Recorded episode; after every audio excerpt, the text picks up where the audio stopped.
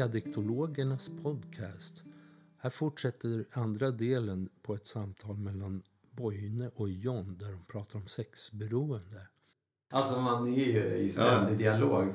Ja, det finns, en observa det finns någon moderator och observator här uppe ja. som, som hela tiden bevakar. Och det är det som är någon ofrihet i mig. Men jag tänkte bara återknyta till det där. Du sa ju att var, du kom hit med pistolen mot pannan och jag känner igen det. Jag gick i min behandling så kom jag också med pistolen mot pannan. Mm. Och så, och jag var ju ganska hårdnackad i början så det tog ju mig ganska lång tid mm. innan jag blev tvingad kan man säga att ta ett eget beslut. Mm. För, för då, det var typ sex månader in i min behandling så lämnade min ja, partner mig, eller hotade att lämna mig. Då, och då stod jag ju där liksom, mm ja, men vad ska jag göra nu då? Ja. Har du känt att det funnits någon sånt någon sån händelse eller någon sånt vägval i dig när du känner att du gör det här för dig snarare än att du gör det för din partner?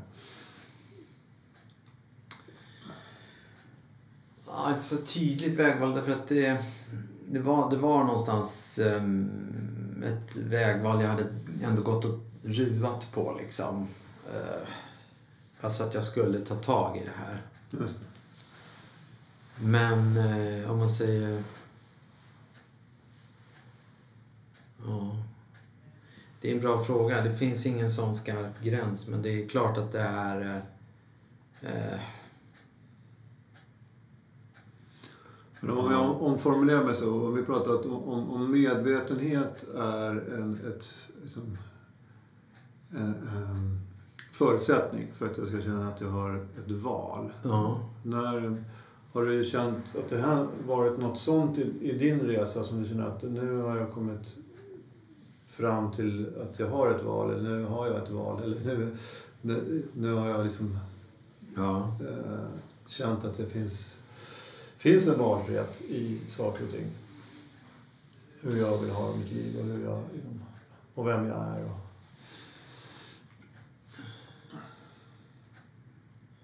Ja, men det är ju kanske lite därför jag är lite rädd för att sluta. För att jag har blivit lite beroende av, av eh, terapin också som, som på något sätt... Jag kan alltid komma hit en gång i veckan och säga men jag, är all, jag, jag har ju rätt i alla fall att vara den jag är och tycka det jag tycker. Eh, så att säga. Och i början när jag kom hit så var jag väldigt skamfylld och det var liksom pinsamt om, om folk skulle få reda på det här och sådär. Nu är det mer och mer sådär att jag förstår väldigt mycket vad jag har varit med om och vad och kan vara till och med ganska transparent med att ja, men drogen finns ju kvar. Och det är ju så här, jag skulle kunna trilla dit liksom. Utan problem. Jag skulle kunna... Men... Eh, men jag har nog en mycket större beslutsamhet att liksom hålla mig ifrån det för att eh, ja, men jag vill något annat. Jag verkligen vill något annat. Jag vill bli något annat. Och jag är inte helt och hållet där ännu men jag, jag vill jag kanske vill vara, uppnå transparens med min eh, om vi pratar partner då. Hon är ju väldigt förstående och eh, för att det ska fungera så behöver vi vi går i parterapi och för att det ska fungera så måste vi fortsätta med det för att kunna uppehålla transparensen. Och det är inte alltid det funkar. Liksom. Det blir snedtändning både från henne och mig så att säga. Att man blir en liten, litet barn och blir tjurig och tycker att sig orättvist behandlad och liksom man blir utpekad som en förövare liksom. Eh, som, eh, alltså att jag tycker det. Mm. Jag blir inte det. Utan jag känner, det som, jag känner mig som en förövare. Eller jag tolkar att hon tycker att jag är det. Ja. så det är inte alls så att hon... Um, nej men alltså, den där första fasen att hon var fly förbannad på mig och skrek åt mig och slog mig och sådär. Det var ju liksom... Det var ju bara någon, någon vecka liksom. Sen så har hon varit otroligt förstående i det här. Men det är ett svek. Mm. Och det är ett, som alltid kommer ligga där som en sorts så här, hennes misstro mot mig och mot män överhuvudtaget. Och, jag, kan ju inte vara någon annan än den jag är och, och uh, ha levt något annat liv än det jag har levt. Och jag känner bara att jag har en stor lust att utforska vad det är och varför det har blivit som det har blivit. Mm. Och någonstans kanske hjälpa andra män med det. Att känna mindre skam och börja göra mera rätt.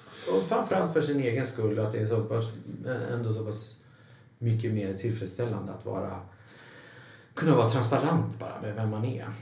Och det, det kan ta tid. Det, har tagit, det tar fortfarande tid. Att jag liksom vågar vara den jag är liksom, i alla lägen. Mm. För ibland blir man jättedesorienterad. Och man har ju desorienterat andra. Speciellt i ens närhet, ens familj. Och, så man har ju instruerat alla andra att man är på ett sätt och så nu börjar man bli på ett annat sätt. Och så bara, vad fan, vad, vem är du? Så här. Och det kan ju vara väldigt provocerande ja. när det börjar rubbas lite rollerna i ja. familjesystemet. Just det. För det bygger ju på den här anpassningen vi pratar om när vi, när vi är små. Mm. Det är ju ett rollsystem vi går in i. Vi tar en roll som mm. fattas för att bygget ska hålla, ja. liksom, balansera upp hela familjen och så vidare. Mm. Och det bygger ju på att jag inte är mig själv. Mm. Utan jag är det som fattas. Den rollen. Eller något ja. som, som fungerar som mm. i familjen. Så att det är klart att den, den impulsen vi har, den impulsen att möta andra, att, att bära andra, att, att vara andra till lag. Så att liksom, mm. Den är ju otroligt kraftfull.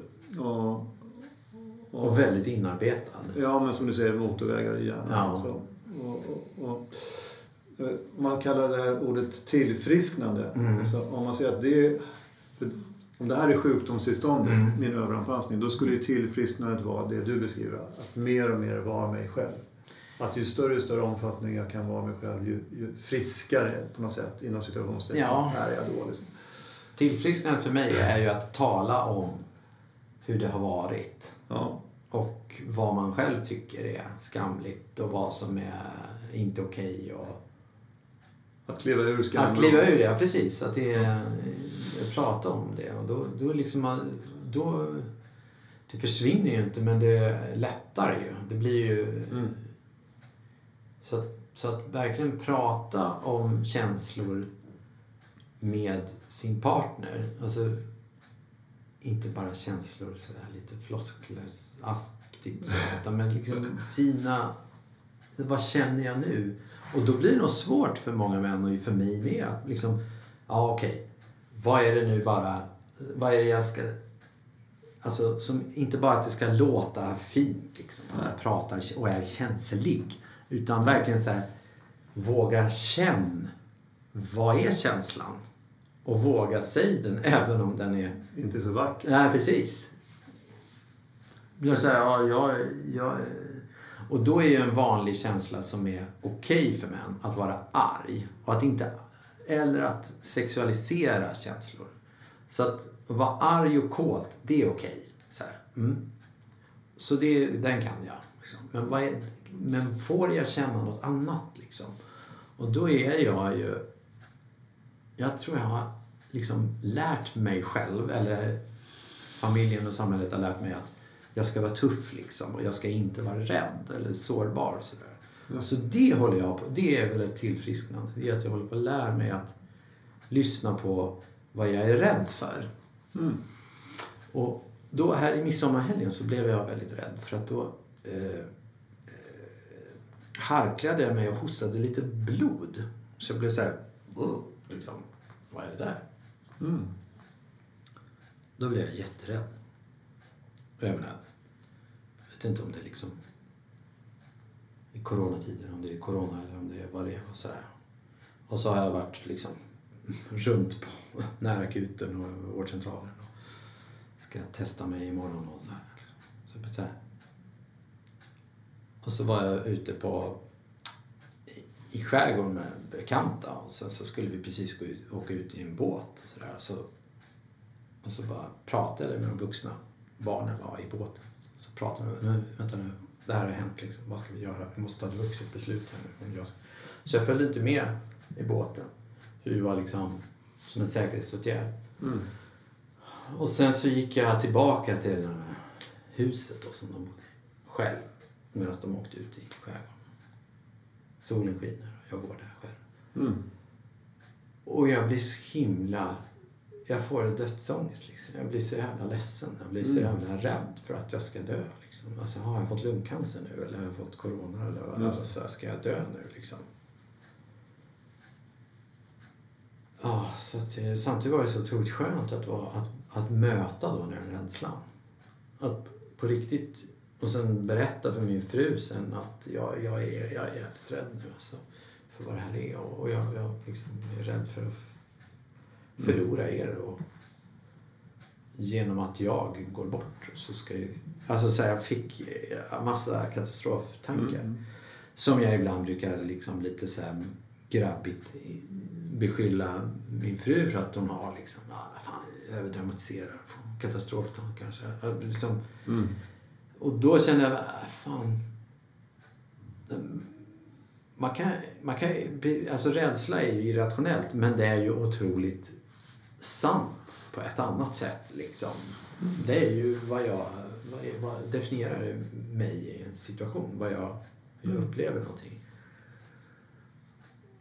Alltså att jag är ändå rätt glad, eller, vad ska säga, eller nöjd med att jag kunde vara så nära mina känslor. Just det. Så att jag blev ledsen och grät och... Och du var i kontakt med dig själv. Ja. Mm. The person you see when you're looking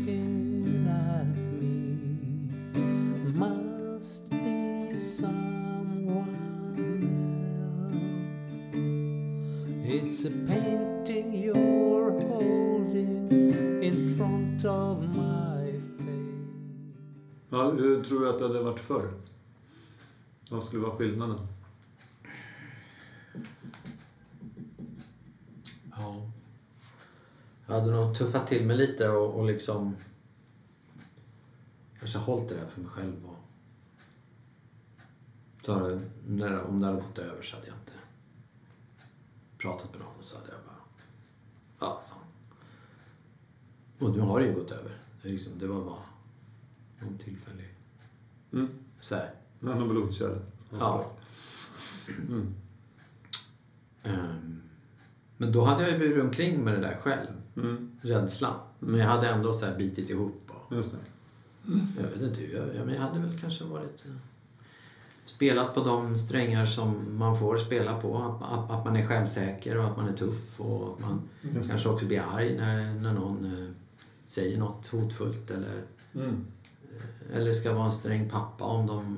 Om man igen, många gånger blir jag väldigt rädd för att mina barn ska fara illa. Och då kan jag bli liksom lite hård mot dem. Just det. Så här, fast jag, jag är egentligen orolig, men jag är arg. Ja, Utåt, blir- utåt är jag arg, men Just. inåt är jag orolig. Mm. Mm. Det är väldigt vanligt. Mm. Så att förlåt har jag försökt jobba med. Säga förlåt till mina, Mm. Mina döttrar. Det har gått så långt att min yngsta dotter säger Du har lovat att inte bli arg pappa. Ja, Jag bara, "Ja, fast jag kan inte riktigt lova det. Jo, du har lovat!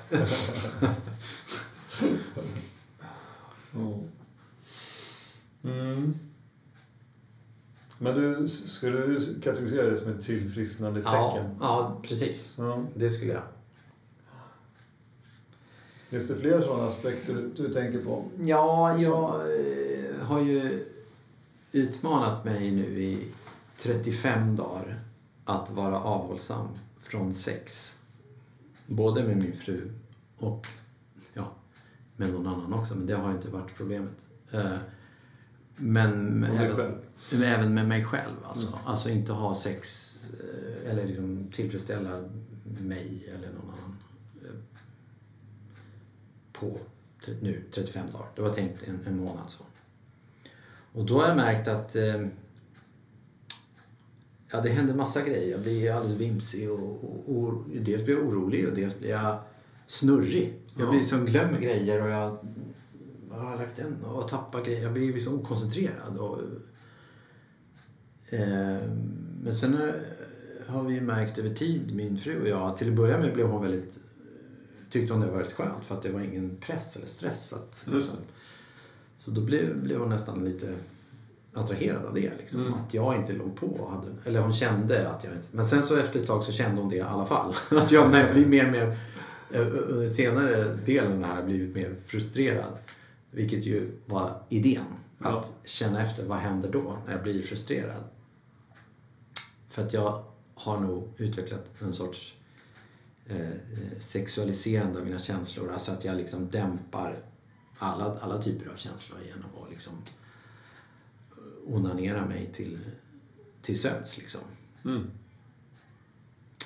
Eh, och då när jag inte gör det så ja, då kommer det upp massa känslor. Och jag har ibland kommer jag ihåg drömmar. Jag har väldigt svårt att komma ihåg drömmar. Men nu börjar jag komma ihåg drömmarna lite mer. Och det handlar väldigt mycket om press och stress och att jag ska prestera och att jag glömmer saker och att jag inte lyckas i min prestation och att jag får stå där med skammen. Och Ja. du kom för sent, ja, du misslyckades eller jaha, du klarar inte av det där eller, eller jag vet inte vad jag är. Eller, alltså, jag, jag, jag har ju spelat mycket teater och en vanlig dröm som jag har är att jag står på en teater och jag vet inte fan vad jag gör där i princip. Alltså vem, vem, vilken roll har jag och var är manuset? Kan jag få titta på det lite? Om det är premiär om någon timme kan jag få liksom se ett manus och, och vad har jag för kostym och var ligger kostym, alltså och vilka är ni? Alltså så här, det är liksom den mardrömmen att jag är totalt väck liksom. Utlämnad. Och lite grann är, är, är det det som har hänt ganska mycket, att jag känner mig lite väck. Alltså jag inte har den där kontrollen. Pratar Nej, om. nej, nej. Det finns ju inget att hålla i handen. Nej, så att jag liksom säger åh. Mm. Och så märker jag också att jag liksom både blir mer lättretlig på barnen, men jag blir också mer... Jag blir snabbare på att se det. På något sätt. Så att jag liksom, nej men förlåt nu, det är för att jag är irriterad på det där jag läste. Eller så, här, så nu går det ut över det. Eller som idag, jag skulle... Jag hade tänkt att jag skulle köra eh, cyklarna, ett par cyklar till en cykelverkstad. Och så ringde jag till den där cykelverkstaden. Och, så bara, och då hade jag liksom tänkt att ja, men de, bra, då kan jag, släppa kan jag lämna in dem och sen åker vi och badar. Och så bara, nej vi har kö här. Det tar första tiden är 8 juli. Vad fan? Och så tänkte jag, vad fan ska det vara så komplicerat för? Liksom? Jag vill bara laga cyklarna. Liksom. Då måste jag vänta två veckor. Och då blev jag så frustrerad. Och sen så gick jag och skällde på barnen. Liksom. Ah, ta på dig skorna och tjata på dem. Liksom. Så. Mm. Och så bara kom jag på, men fan, jag är irriterad för de cyklarna och så låter jag det gå ut över barnen. Nu gör jag det igen liksom. Mm. Så då satt jag med. Bara, jag vet inte. Och så sa jag, jag vet inte vad jag ska göra nu. Vart ska vi gå och åka och bada? Och så ringde min fru bara, vad ska jag göra nu? Jag vet inte vad jag ska göra. så jag kapitulerar så här, inför att jag vet inte. liksom. jag, vet, jag har inga svar. Ja. Jag känner mig förvirrad. Mm. så här. Och det är ju någon sorts tillfrisknande. Att inte alltid behöva vara Stålmannen. Ja, nu är det så här. Jag vet, jag kan det här, jag vet, jag tycker så här. Alltså, Mm. skitsamma vad jag tycker. Om jag inte tycker något så tycker jag inte något. Om jag inte vet så vet jag inte. Säg det då istället. Liksom. Man, man behöver inte vara så jävla... Man behöver inte vara sån superhjälte. Fullkomlig och perfekt. Ja, och det, jag brukar ju prata om det här ovillkorliga. Det här ovillkorlig kärlek till sig själv. Mm. Att omfamna alla aspekter av oss själva. Mm. att, att, och det här är ett exempel på det, tänker jag. Att Mm. tillåta sig själv att vara förvirrad eller inte Mm. veta eller inte Mm. liksom ha alla svar. Inte Mm. vara på topp. Liksom. Att, att det är också okej. Alltså, Mm. Det är en del av att vara människa. Jag är en människa som har liksom, defekter och jag har tillgångar. Men, men det är liksom på något sätt, det är okej det också. Mm. Att även det här får hänga med. Liksom. Just det. Ja, att jag precis. bara får, och, att, och det är liksom att bara vara. Att, Ja. ett varande. Liksom. Och det där har jag ju blivit skammad för väldigt mycket. Alltså att falla ur ramen. Alltså att vara den slarven och vara sen och vara, göra fel och göra, ha sönder och sådär. Mm. Och jag märker att jag tävlar ganska mycket med min fru. Och, men vänta nu, det. har du glömt att låsa där? Eller jaha, ska det verkligen... Jag ska ju vara lite mer åt vänster. Eller, alltså, och så håller vi på, ja men du då? Du glömde ju ta tvätten. Eller, alltså så här, ah, jag släpp det liksom. Det där är ju bara våra mammor som håller på och jagar oss Mm. indirekt. Liksom. Bak, bak, sitter bakom kulisserna och drar i trådarna liksom. Och att vara, våga vara den första som släpper det där. Liksom. Det är inte, vad är viktigast här? Liksom? Är det viktigast att få rätt eller är det viktigt att vi har det bra? Ja, så det är väl också en sorts tillfrisknande, om man kan bidra till det. Att bara vara prestigelös och bara, "Ah, nej, nu är jag helt förvirrad här, jag vet inte. Eller, eller fan, nu klantar jag till det. Förlåt. vad, vad fan håller jag på med? Alltså, Det är lättare att komma till förlåtet då. Ja. Fallet blir inte lika högt när jag ska vara perfekt Nej, och har gjort fel. just det. Då faller jag så jävla långt. Liksom. Just och då det. är det så svårt att bara, oj, förlåt. Ja. Men om jag, inte, om jag är här liksom, på en lite lägre höjd och bara Ja, men, alltså, då kan jag ju kanske erkänna Mm. att det var inte, ja, men förlåt, det var inte, jag tänkte inte, oh, Mm. sorry. Mm. Det blir inte så... Och det är lättare att bli förlåten än om man hela tiden ska vara så jävla perfekt. Ja. Och så är man ju aldrig det. Så då, blir det ju, då blir det också en jävla prestigekamp Ja. mellan ens partner. Att så här, man går runt och påstår så här, indirekt att man är så jävla bra. Liksom. Då, ja, då blir det också ett ihåligt förlåt. När man, ja men förlåt då. Alltså, det blir liksom ja, det, det är den här kritiken handlar om. Det är Ja. det sätt att få, mig att ranka mig lite högre. För jag ser, jag kan liksom trycka ner dig lite. Du, Ja. miss, där missade du, där gjorde du fel. Ja. Alltså, då åker jag ju upp lite. Ja, ja. Alltså, ja. Det blir eh, Ja, win- win-lose-spelet. jag tänker det här blir väldigt, väldigt fint och väldigt personligt samtal. Eh, Men om jag nu skulle vilja liksom ha lite dold reklam Ja, för samverkangruppen och för den här behandlingen. Då behöver den inte vara så dold. För jag tycker att det här är ja, en otrolig räddning för, mitt, för mig och mitt liv. Jag, jag skulle önska samverkansgruppen för alla, för, för många män.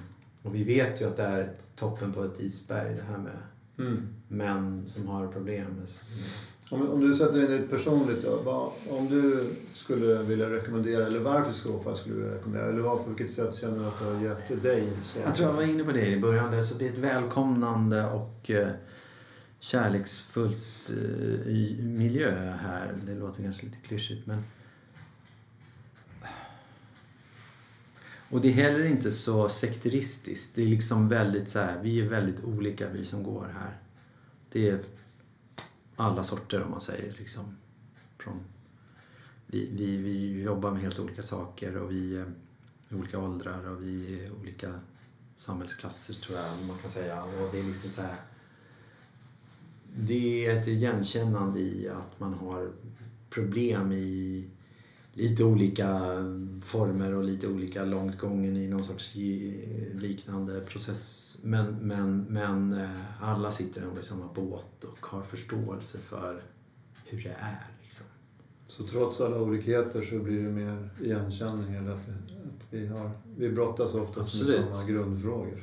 Och det har blivit väldigt tydligt att det finns en sorts autenticitet. Alltså en, det går inte att komma undan med att inte säga precis som det är. Och när, alltså jag vet ju väldigt mycket om mina kamrater här i gruppterapin.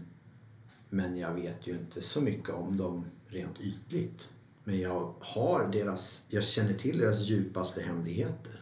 Så det är också en märklig... Men, men den autenticiteten gör också att man känner väldigt mycket för varandra. Och jag tror att man skapar också en miljö där, där man kan känna också en stark eh, empati för sig själv när man börjar vara sådär uppriktig. Alltså uppriktighet, autenticitet, det, det tycker jag att det andas här. Liksom. Att man, man, får, man får vara där man är, man får säga som det är. Även om det känns väldigt skamfyllt att berätta så, så, så finns det en förståelse.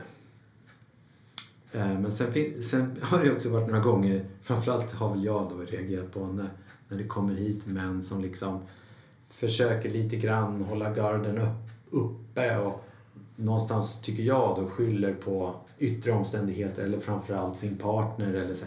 Ja, vore inte det för henne att hon var en jävla ragata så skulle jag ha det bra liksom. Mm. Alltså att man inte, det som ändå är väldigt fint är att de män som kommer hit tar ju väldigt mycket ansvar för sin egen skit. Det är också otroligt, vad ska man säga, attraktivt. Och då menar jag inte, alltså så här, Mm. som människa och som medmänniska. När jag tittar på andra män som vågar vara sårbara och berätta om sin skit och vågar berätta vad de känner inför det. Det blir väldigt starka band som binds då. Så att jag, och det finns en väldig rädsla såklart att ta tag i de här. Men jag tycker att ni tar hand om det väldigt fint här. Ni liksom visar en respekt och samtidigt så liksom är ju förutsättningarna väldigt mycket att ja, men, det hänger på dig att du ska komma hit och att du ska jobba och jobba med dig själv och det kan bli jävligt jobbigt. Och, men ja, Mm. Vad, om du pratar om det jobbiga, vad har varit jobbigast för dig? Vad är det mest utmanande? Liksom? Eller, ja, vad- Ja, men i början var det ju att jag trodde jag skulle bli av med min familj. Liksom. Nu, nu är det fortfarande så att jag är lite rädd för om det ska komma ut att jag har gått här och att det kanske påverkar hur mina kunder ser på, på det och sådär. Mm. Men jag är ganska trygg med mig själv och med de närmsta och närmsta ringer med min familj och mina vänner och min ursprungsfamilj vet ju om det här så att det liksom det får gå som det går. Och jag är nu är det inte lika jobbigt. Nu är det mig Alltså det har varit jobbigt att jag har varit väldigt trött då. Alltså i början, de tre första månaderna var jag förkyld och hade feber. Liksom. Just det. Alltså jag fick en fysisk reaktion av att det var så Det- jävla jobbigt. Och det har ju faktiskt varit lite det hela tiden, att jag har varit ganska trött den här perioden. Alltså det är ansträngande att, att jobba med sig själv. Mm. Att vända ut och in på sig själv och Mm. bearbeta saker, det är jobbigt. Mm. Men eh, alternativet är ännu jobbigare. Att liksom gå runt och ljuga för sig själv och, och droga sig för att bedöva sig. Det är ju ännu jobbigare. Så det blir någon slags abstinenssituation. är, Mm. Absolut. som är jobbig i sig på ett sätt. Liksom. Men, Mm.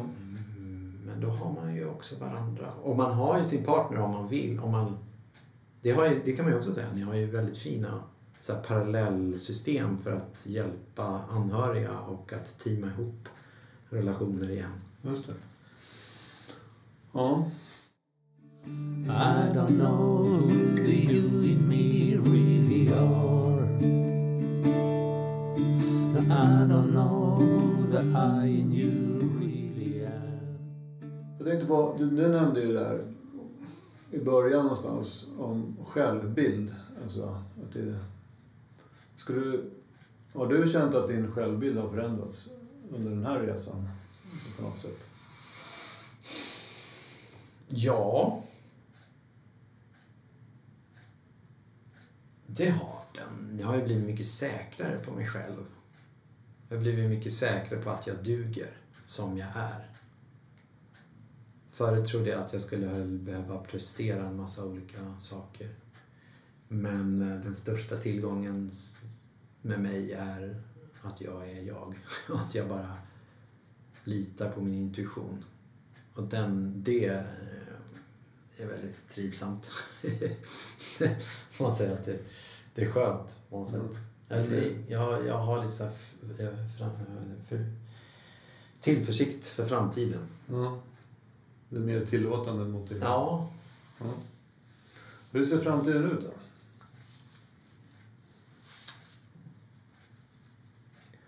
Ja. Den... Eh, ytligt sett ser den väl ljust ut sådär. Jag har ju två, två fina barn och eh, hus och hej och hå, och eh, företag. Och det går bra. Men eh, jag tror nog att det, jag ska fokusera på att verkligen försöka hitta en balans i mitt liv och eh, i mitt liv tillsammans med min fru. Det, det kommer nog vara liksom prio ett liksom. Så att det sen regnar ner på att jag blir en bra far och jag blir en bra företagare och jag blir bra bla bla bla. Eh, men att det är liksom ta hand om mig själv och lyssna på min, mig själv väldigt mycket och vad jag vill och vad jag trivs med. Och ta hand om mig själv både rent fysiskt och mentalt och sådär. Så att jag, det här med egen tid och balans och stressa ner. Och, Mm och sen försöka hitta det i en jämställd relation sådär att även min fru ska ha det så. Och sen att när vi har det så så, så att säga. Mm. Kommer någon sorts framgång av sig själv i det där på något sätt. Alltså att, och att det då pekar ut vart jag ska gå. Eh, utifrån det mer än att jag Mm. ska ha någon sorts eh, karriär. Just det. Så självomsorg är det första. Ja. Alltså, syrgasmasken. Ja, precis. jag har ju föreläst mycket om det där. Ja. Försöka leva som jag lär. Ja. Ja. ja, vad fint. Ja. Det känns som att vi, vi börjar närma oss liksom slutet lite grann och så runda av. Och, och, ja. Ja. Det, jag tänkte på det, det jag nämnde i början, att, att avdramatisera liksom, Mm. sjukdomsbegreppet eller liksom Mm. beroendet och missbruket så var det någon skön lirare som sa till mig häromdagen att, att det liksom inte... Det är inte liksom... ja, Han var alkoholist. Men det är ju inte alkoholen som är problemet. Alkoholen är ju lösningen. Just Jag tyckte det var så fint. Ja. För det är ju så det är. Ja. Vi använder ju liksom... Beroende blir ju en lösning på vårt problem. Men det är Ja. inte liksom det vi gör eller det vi använder som är problemet. Det blir ju ett problem sen när jag fortsätter. Ja. Det får konsekvenser. Men, Mm. men initialt så är det lösningen Mm. på ett problem som jag bär på. Mm. Och, och jag tänkte att det kan vara fint att ha en sån liksom bild av det. Att ja, jag hittar en bra lösning. Mm. Men, men jag inser att i förlängningen så ger den ingen bra resultat. Alltså Mm. Konsekvenserna blir dåliga. Men det initiala var ju att jag hittade en lösning på ett problem. Så vad, hur tar jag hand om mitt problem? Liksom? Det grundproblemet, eller brandorsaken som du sa. Mm. Att, att det är det. Och det låter lite grann som att din lösning är att eh, självomsorg. Då. Att, att liksom, hitta balansen som du uttrycker. Ja, det låter kanske lite motsägelsefullt och, och, men, men ta hand om mig själv för att öppna upp mot andra. För eh, alltså droganvändande är ju lite som du säger, det är ju lösningen till att bli ensam. Mm. Och det ska jag villigt erkänna att det har, ju, har, jag, har jag ju längtat efter att vara. Mm. Men å andra sidan, det är ju... Det kan ju bli väldigt självuppfyllande. Och eh, jag menar, ibland är det inte så himla mysigt att vara ensam. Eller det är det ju helt enkelt inte. Även för mig som tycker om att vara ensam. Men alltså, jag vill också ha min gemenskap. Men då, lite som jag var inne på förut, då behöver den vara autentisk. Då behöver den vara mitt val och utifrån mina vad jag tycker är viktigt och rätt och sådär. Och det är klart att då måste man ju liksom hävda, hävda sig. Men Mm du har sagt någon gång att vi som har den här beroendeproblematiken, vi, har, vi är inte vana vid att hävda oss på ett, på ett normalt sätt utan det kan bli kantigt och hårt och komma ut lite klumpigt liksom och sådär. Mm. Så det är väl också någon sorts mål att, så att säga, socialisera ihop mig med min, mina närmaste. Och känna gemenskapen. Utifrån att du är autentisk och fri. Liksom. Ja, Mm. Ja, men jag tänker också att det där med självbild, om vi knyter ihop det med, med om, om min självbild är att jag är dålig, då blir jag själv, att vara själv med mig blir ju ett dåligt sällskap. ja, Alltså, just det. men men om jag, min självbild är lite mer omfamnande och lite mer liksom, Mm.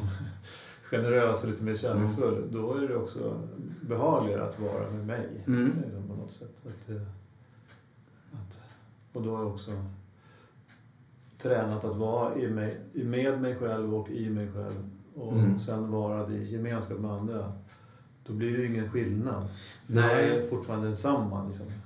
Precis, för jag tror ett moment i det där att man blir ensam, det är ju att man faktiskt stöter bort andra i att man håller på och, och, och ger andra lite pikar eller man är lite vresig eller man, och man märker inte. Och egentligen handlar det om att man hela tiden tänker att ja, men jag är ju värst mot mig själv så att det här är ju bara Mm. en bråkdel av vad jag säger till mig själv. Mm. Och så är man blind för att det, ja, men det är ganska taskig taskiga ord och en ganska taskig tillvaro när man liksom håller på och, och skammar sig själv så mycket. Ja. Ja. Ja. Vad fint. Jag vet inte om det är något avslutande sådär. Som... eh, Ja, men du har sagt någon gång att eh, vissa filosofer säger att det bara finns två känslor och det är rädsla eller, eller kärlek. Och... ehm, ja, men för mig har det blivit tydligt att liksom ur den där rädslan kan det skapas ganska mycket destruktivt. Mm. Som, som är mycket hårt och argt och, Mm. och går över moraliska gränser och sådär. Så att ja, alltså roten till, eller vägen till kärlek går via att erkänna sin rädsla på något sätt. Eller att avslöja den eller klä av den och sådär. Mm. Ta hand om. Ta hand om den och medvetandegöra den så att man kan välja kärlek istället. Mm. Fint. Jättefint. T- tack så jättemycket för att du ville vara med Ja. idag och din ärlighet. Och Tack själv. Tack för att jag fick vara med. Ja. Hoppas det kan vara till, till nytta för någon. Ja, vi får väl se. Och vi får väl tacka alla som lyssnar och önska en god sommar. Ja, Tack. tack. Tack.